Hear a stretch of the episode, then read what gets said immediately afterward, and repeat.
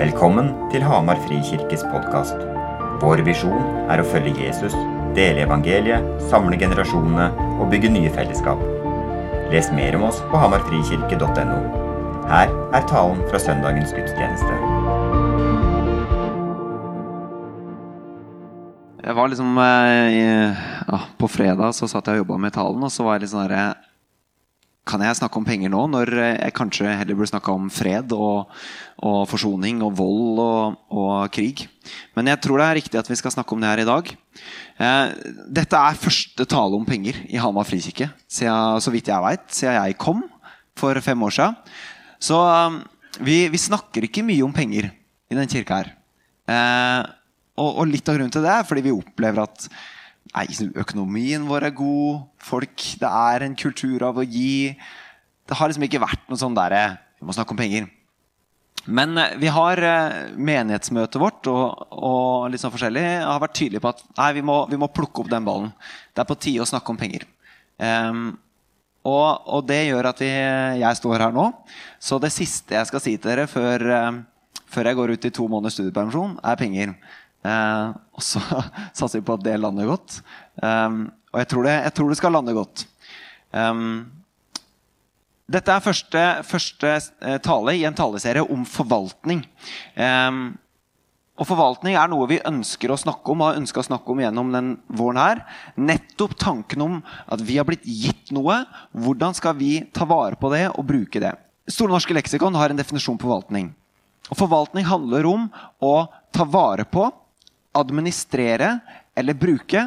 Og så har jeg lagt til å styrke egenskaper, ressurser, gaver, talenter. Administrere, ta vare på, bruke eller styrke. Vi skal snakke om penger. Hvordan tar vi vare på å administrere penger? Hvordan tar vi vare på å, snakke, å, å administrere tid? skal vi snakke om. Hvordan tar vi vare på å administrere styrker og talentene våre?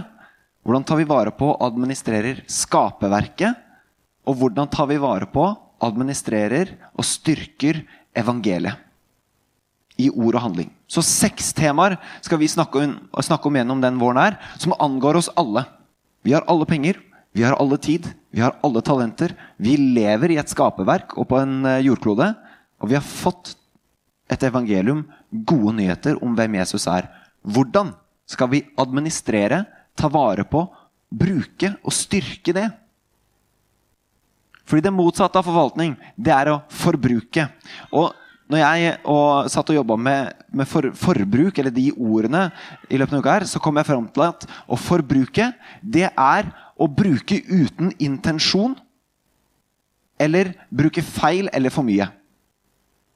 Bruke uten intensjon eller bruke feil eller for mye, det er å forbruke. Som kanskje står som en slags motsetning av å forvalte. Vi skal starte i en, eh, i en tekst i Matteus hvor Jesus underviser disiplene om tida fra han dør til han skal komme igjen. Altså det, det kalles for domstekster. Så Jesus er i en undervisning, og så kommer han til en undervisning om penger. Og det, det er en eh, tekst som Eirik Fellestad skal forklare mye mer nøye om et par uker, men vi skal lese nå, og så skal vi ta med oss to ting fra den teksten inn i resten av prekenen i dag. Så hvis du har en bibel, kan du slå opp i Matteus kapittel 25. Så kommer det på skjerm. Så leser vi i kapittel 25 fra vers 14. Um, det er, dette er altså en lignelse, altså en historie, med et budskap, ikke en sann fortelling, men en historie. Det er som en mann som skulle dra utenlands. Han kalte til seg tjenerne sine og overlot dem alt han eide. Han overlot alt han eide. Én ga han fem talenter. En talent er en myntenhet. Um, skal vi se. En ga fem talenter, en annen ga han to, og en tredje fikk én talent. Etter det hver enkelt hadde evne til. Så reiste han.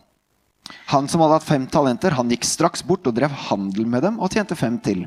Han som hadde fått to talenter, gjorde det samme og tjente to til. Men han som hadde fått én talent, gikk og gravde et hull i jorden og gjemte sin herres penger. Da lang tid var gått, kom tjenernes herre tilbake og ville holde regnskap med dem. Han som, fått, han som hadde fått fem talenter, kom fram, hadde med seg fem til og sa, 'Herre, du ga meg fem talenter, og se, jeg har tjent fem talenter til.' Herren, herren hans svarte, 'Bra, du gode og tro tjener. Du har vært tro i lite, jeg vil sette deg over mye.' Kom inn til gleden hos din herre. Også han med to talenter kom fram og sa, 'Herre, du ga meg to talenter, og se, jeg har tjent to til.' Herren hans svarte, 'Bra, du god og tro tjener. Du har vært tro i lite, jeg vil sette deg over mye. Kom inn til gleden hos din herre.' Så kom også han fram som hadde fått én talent, og sa, 'Herre, jeg visste at du er en hard mann som høster det du ikke har sådd, og sanker hvor du ikke har strødd ut. Derfor ble jeg redd og gikk og gjemte talenten din i jorden. Se, her har du ditt. Men Herren svarte han, du dårlige og late tjener.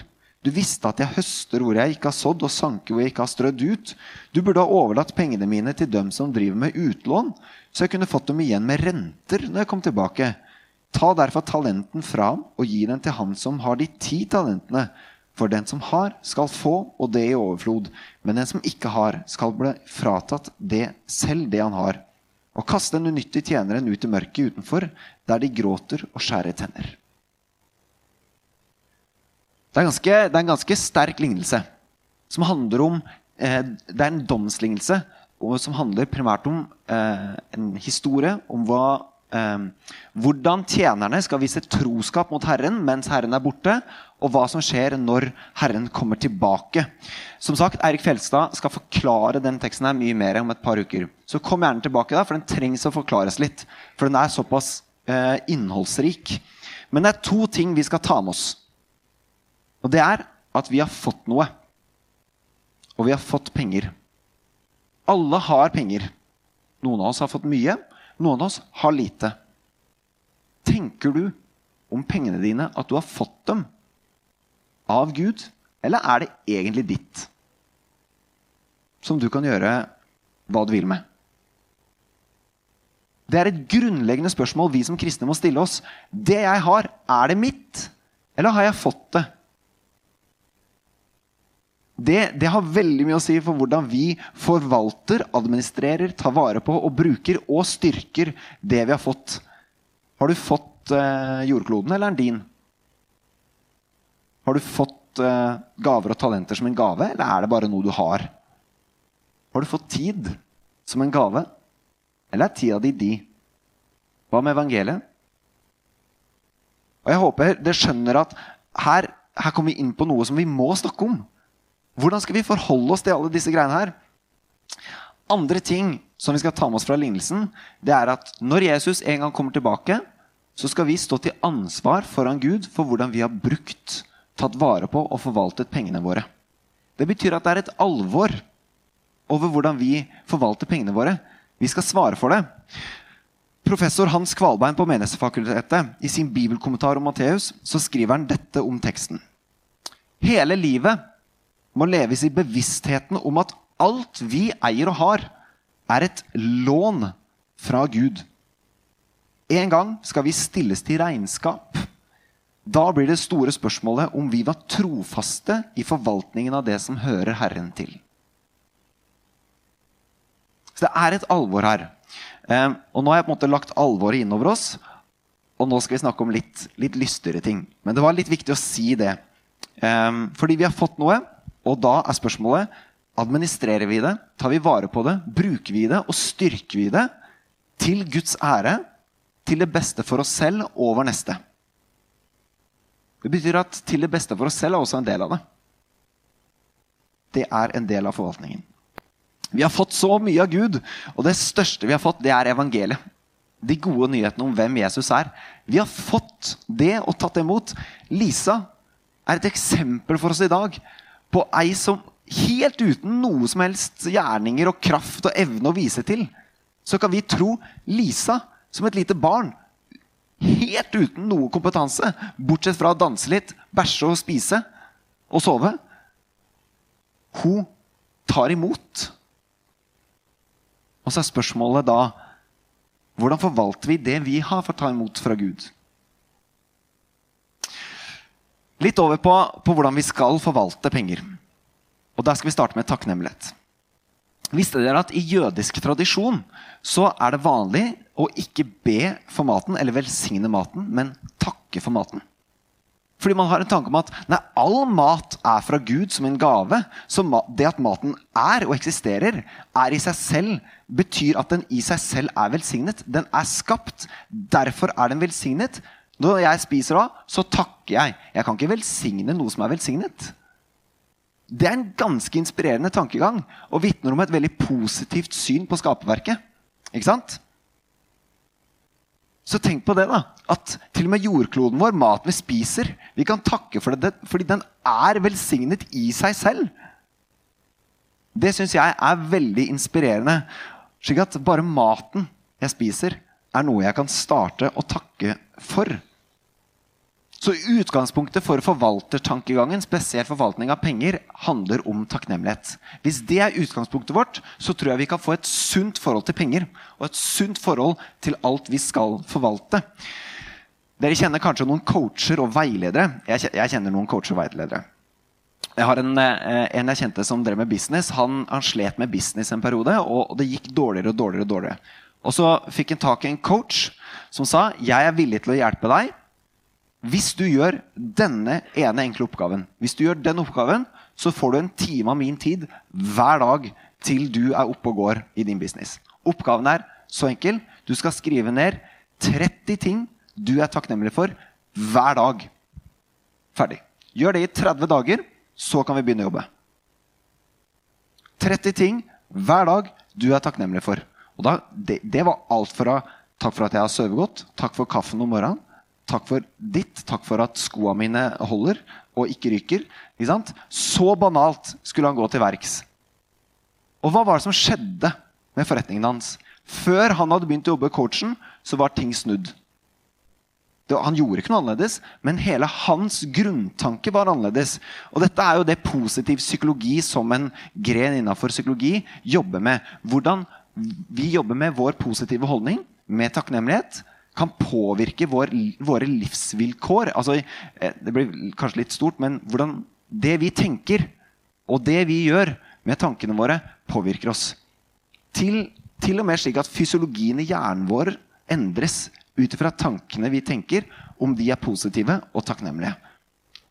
Paulus han skriver i Kolossebrevet, kapittel 3, eh, på, som en veiledning til kirken på hvordan de skal respondere på evangeliet, så skriver Paulus og over alt dette, kle dere i kjærlighet, som er båndet som binder sammen og gjør fullkommen. La Kristi fred råde i hjertet, for til det ble dere kalt da dere ble én kropp. Og vær takknemlige. La Kristi ord få rikelig rom hos dere. Undervis og rettled hverandre med all visdom. Syng salmer, viser og åndelige sanger til Gud av et takknemlig hjerte. Og la alt dere sier og gjør, skje Herren Jesu navn, med takk til Gud vår Far ved ham. La alt dere gjør, skje med takk. Hvis det er vårt utgangspunkt, hva skjer med livet vårt? Og, og jeg sier ikke det lettvint, fordi noen ganger så er livet helt på trynet. Og da er det ikke så lett å takke. Så jeg, så jeg mener ikke det som en lettvint, flåsete eh, coaching-greie. Jeg mener det som et utgangspunkt for forvaltning. Det er ikke så lett å takke når man er nede psykisk eller har det vondt. Men spørsmålet er har jeg en takknemlig grunnholdning i livet mitt. Vi har gitt penger til Ukraina i dag. Og jeg har kjent på det de siste to-tre dagene at det er én ting jeg er takknemlig for. Så er det at jeg har erfart lite frykt. Jeg har ikke opplevd krig. Er, hvordan forholder jeg meg til det at jeg har trøkket Eh, eller vønne i Lotto bare bli, bli født i Norge. Er jeg takknemlig for det? Og jeg er jo det. Kanskje i hvert fall med hodet. Og så er spørsmålet tro hjertet mitt det. Derfor, utgangspunktet for forvaltning, la oss takke daglig for de enkle tingene og de store tingene. Det kan være utgangspunktet. Takk for de pengene jeg har. Takk for maten. Takk for at jeg er trygg. Ok, nå har jeg, det ikke, jeg har det ikke bra nå, men er det noe jeg kan takke for? Nå har jeg det sinnssykt bra. Hva kan jeg takke for nå? Sant? Hva har du å takke for? Forvaltning starter med takknemlighet og en anerkjennelse av at det vi har fått, er ikke vårt. Det er Gud som vi låner. Jeg er blitt, blitt gitt et ansvar å forvalte det. Derfor kan jeg takke, fordi det er egentlig ikke mitt. Det er noe jeg har fått til låns. Og så kommer punkt to av hvordan vi skal forvalte. Fordi ut av takknemlighet så kommer raushet. Jeg jobba som ungdomsarbeider på, på Sotra øst for Bergen eh, eh, et halvannet år. Og han som var eh, leder for menighetsrådet, det er Magne Suppellen, professor i økonomi på Norges handelshøyskole. Han var en ivrig type. Eh, og han fant ut at nei, jeg vil gjøre et eh, regnskap over, eh, over hvor, hvor, mye var det egentlig israelsfolket ga videre av alt de fikk. Og så regna på det at jo, de, de, har fått en lov om at de skal gi 10% av alt de får i avlingene sine, til tempelet og til Gud. Men så var det masse de skulle la stå igjen, og det var masse andre lover og regler for hvordan de skulle sørge for at alle fikk litt. Når du, når du høsta kornet, så skulle du la eh, restene langs åker, åkerkanten stå igjen. Du skulle ikke ta med deg alt kornet fra bakken. Det skulle la ting ligge igjen, slik at de som hadde mindre, kunne komme etter og plukke. Så Magne han regna seg fram til at ca. 30 av det eh, du holdt på å si, omsatte eller tjente eller eh, dyrka fram, gikk til andre enn deg selv og til Gud. Det er ganske tilsvarende vårt skattesystem og velferdssystem i dag. Ikke sant? Eh, og spørsmålet er da hvordan skal vi forholde oss til det? Fordi de ti prosentene som skulle gå til tempelet, det som kaltes for tienden, de som har gått i kirken noen år, de har hørt om det. 10% skulle gå til tempelet og til Gud. Resten skulle gå til folket. Og dette var faktisk så alvorlig at profeten Malaki skriver og knytter israelsfolket sin manglende tiende til Gud som en av grunnene til at de ble kasta ut i eksil.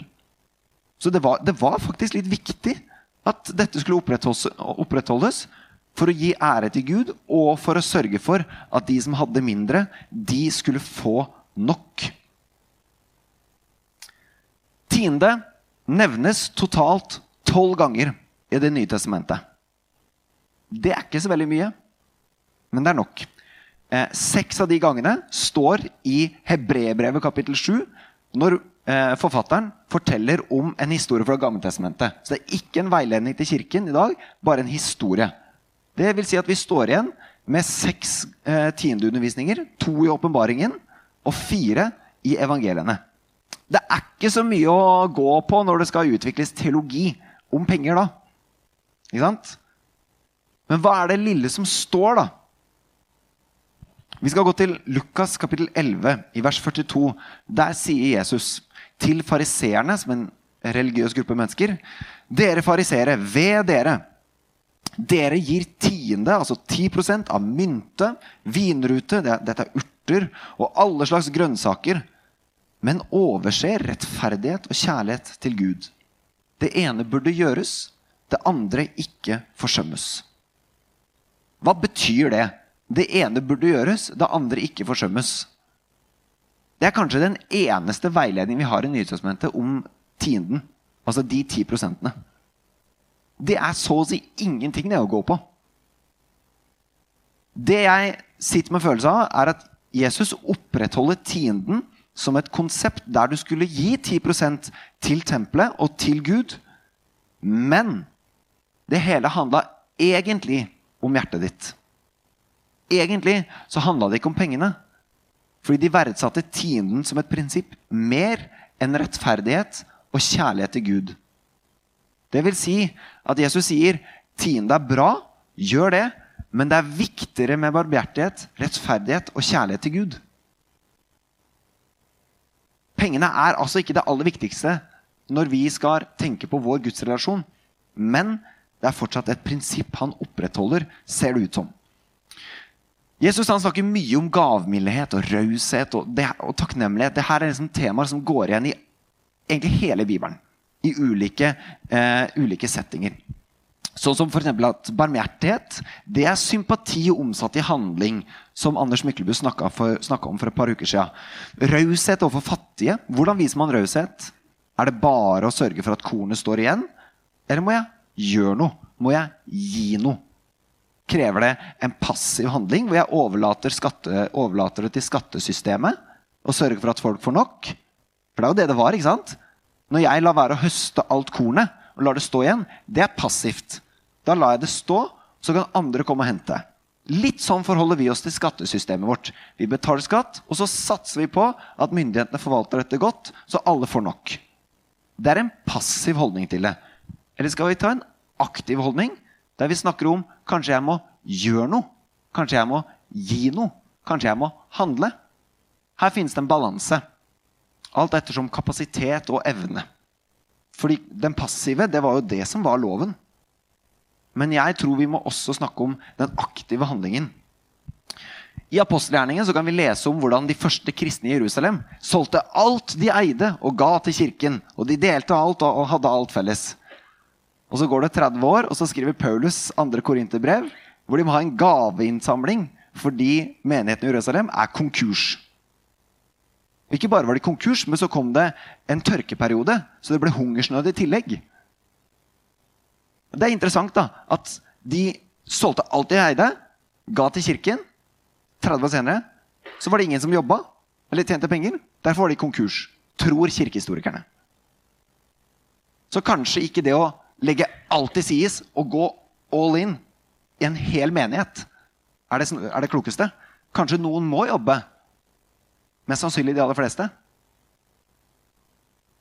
Men Paulus var tydelig på i 2. Korinterbrev kapittel 8 at nei, de trenger penger nå. Jeg har starta en gaveaksjon. Dere har sagt dere vil være med. Jeg forventer at dere opprettholder det dere har sagt. Så gå gjerne hjem og les 2. Korinterbrev kapittel 8, for det er en ganske bra veiledning der om det med å gi penger. Men det er Nytestamentet gir oss ikke sånn der tydelig, tydelig retning på hvordan vi skal forholde oss til penga. Og jeg syns det er litt for mange pastorer som er litt for frimodige på å si sånn dette sier Bibelen om hvordan vi skal gi penger. Så la meg prøve å konkludere med et slags kanskje om hvordan vi skal forholde oss til penger. Det ser ut til at Jesus opprettholder tienden, altså 10% som et slags prinsipp det skulle gå til tempelet. Nå må vi være forsiktige. Den lokale kirken er ikke en erstatning for tempelet. Det vil si at hvis Jesus opprettholder tienden, så betyr ikke det at vi skal gi 10% til kirken. Den lokale kirken. Fordi det er jo folket, Guds folk, alle som tror, som er det nye tempelet. Jeg har fått Den hellige ånd, du har fått Den hellige ånd. Vi er tempelet. Det betyr at kanskje den tienden er ment å gå til hele Guds folk, til Guds rike. Og så er Kirken en del av det. Men jeg klarer ikke si 'gi 10% til den lokale kirken'. Dette, dette klarer ikke jeg å se i Nytestamentet. Men det ser ut som at Jesus opprettholder tiden som et slags prinsipp. Ok? Og så er spørsmålet hva skal du gi til? Vil du gi i det hele tatt? Ja, bare så, det, bare så det er sagt. Vi har et mål om å øke givertjenesten i Hamar frikirke. Så du er velkommen til å gi til oss på en fast basis. Men det må du gjøre hvis du har tro på at vi forvalter det riktig. Og hvis du er motivert og kjenner at det er godt og rett og sant. Men du må ikke gi til Hamar frikirke fordi du tror at nei, jeg skal gi 10% til den lokale menigheten. Du må gjerne gjøre det. Men jeg klarer ikke se at Bibelen ber om det. Gi 10% til kirken. Kanskje noen av oss faktisk skal gi mer eller mindre. Fordi det var Gamle testamentet også tydelig på. At man varierte i hva som var forventet å gis. De som var fattige, kunne gi to duer til tempelet i stedet for en geit som var mer verdt. For eksempel. Det er altså min forsiktige kanskje-konklusjon. 10% ser ut til å være et slags prinsipp. Kanskje. Men det skal gå til hele Guds rike.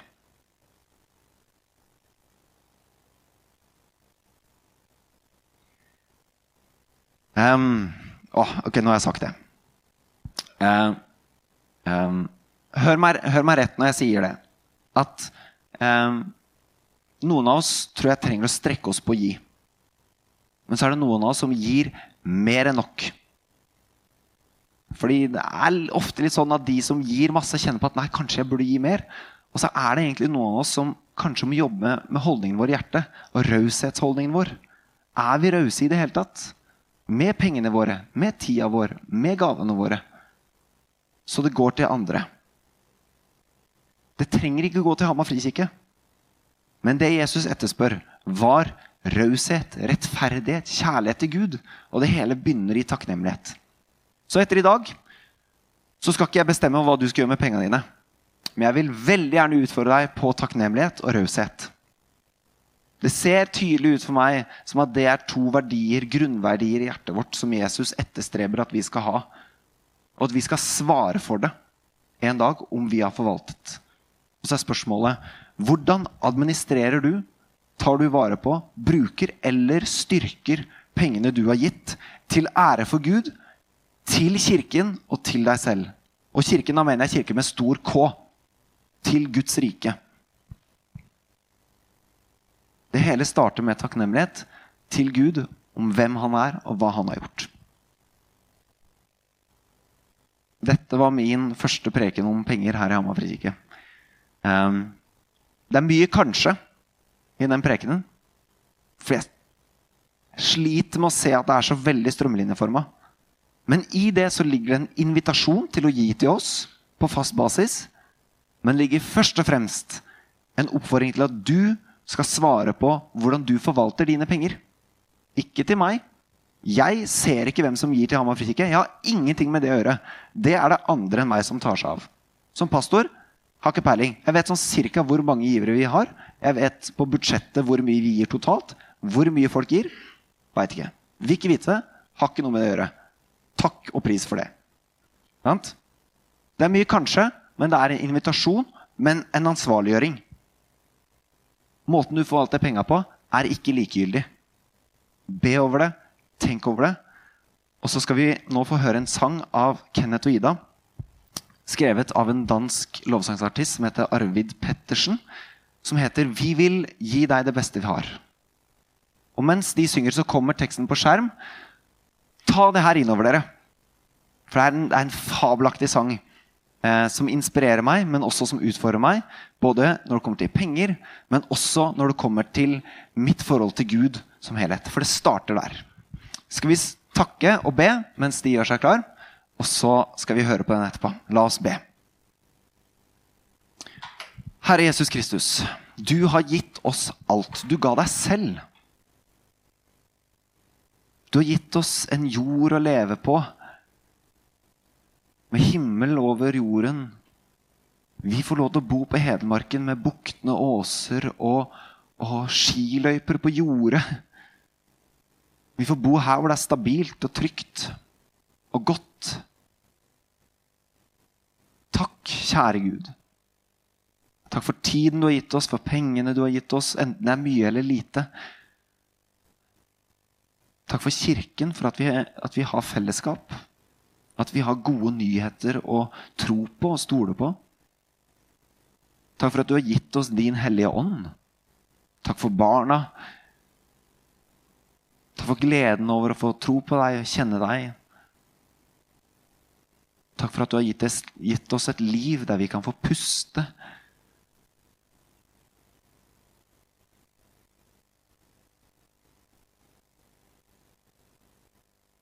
Herre, lær oss å forvalte pengene våre. Lær oss å bruke dem rett og godt og ikke forbruke.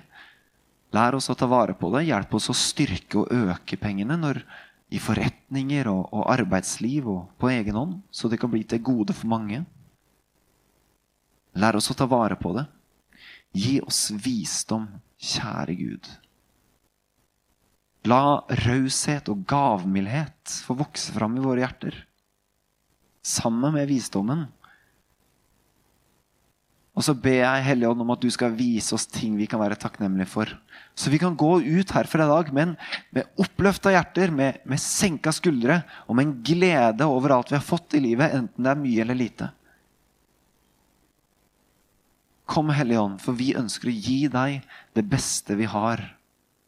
Vi ønsker å gi deg oss selv og alt vi har fått. Vi ber, Hellige Ånd. Amen. you